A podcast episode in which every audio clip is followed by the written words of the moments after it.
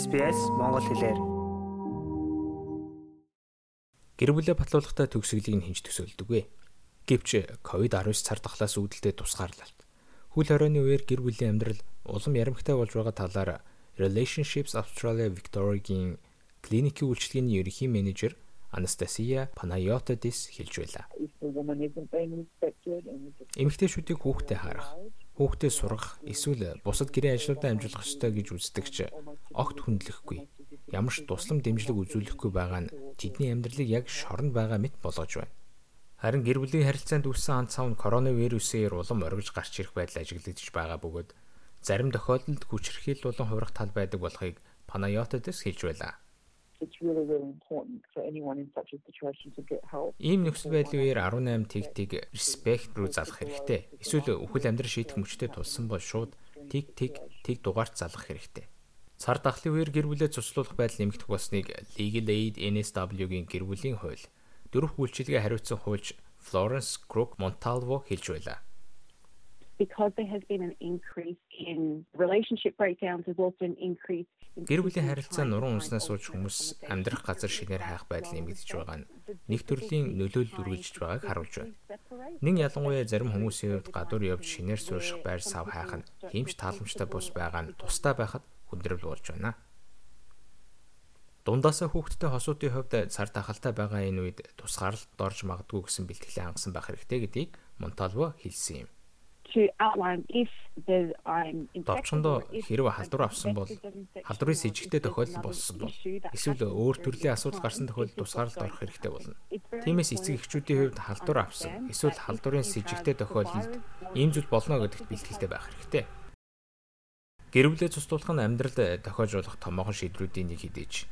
Би даасан амьдралыг сонгосон австралчуудын 90% нь гэр бүлээ цуцлуулсны дараагаар сэтгэл санааны хувьд илүү дэсвэр төвчээртэй болсон гэсэн тайлан гарсан байна.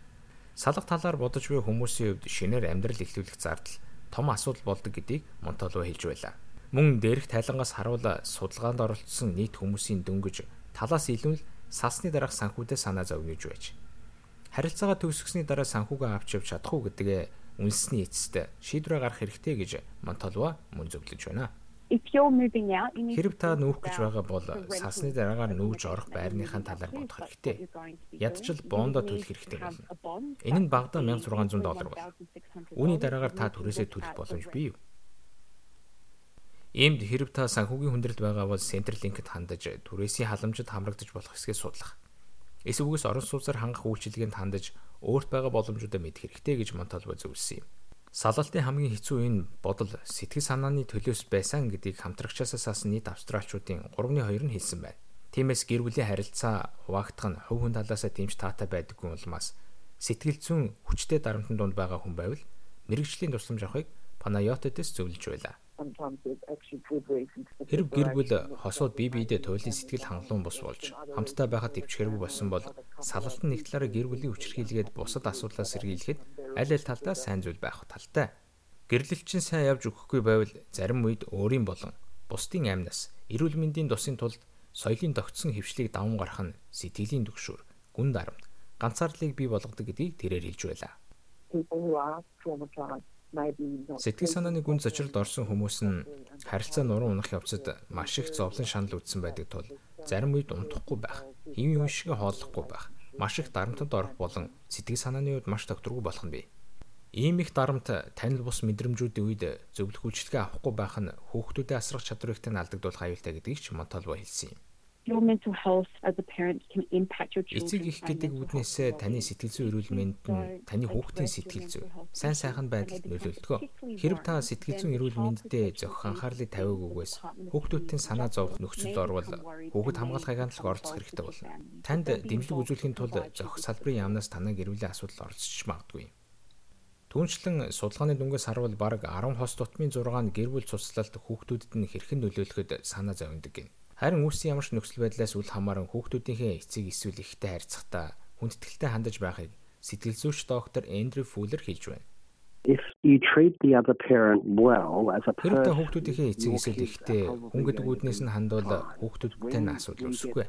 Харин бид хэнийх нь буруугаас энэ бүхэн болсон гэсэн ялтан хасан ертөнцид төгжигдчихвэл хүүхдүүд маань зөхөрч эхэлдэг. Үндсдээ бид хүүхдүүдэд тайлбарлуулж хайрлаж мөн нөгөө хүндээ багцдаггүй хүндэлтэй хандвал хүүхдэд нь таныг дан ганц хүн гэдгээр нь хүнлээ зөксөхгүй. Хуучин хамтрагчийг чинь хүндлэх болно. Харилцаа өөрчлөгдөх үед бүх зүйл замбраагүй болох хэдий аливаа цэг тавих нь өөрийгөө дахин их боломж болдог гэдгийг доктор Фуллер онцолж байлаа. Өөрийгөө дахин олохын нэг хэсэг нь өөрт чухал бүхэн. Өөрийн үн цэнэ буцаан олж авах бөгөөд энэ нь заримдаа таныг хувийн харилцаанд илүү дээр нэгэн болгон бэлтгэх нь бий. Гунигтай нь харилцаагаа төгсөх нь биднийг ирээдүйн харилцаанаас юу хүсэх, үн цэн юу байх талаар ихийг ойлгуулдаг.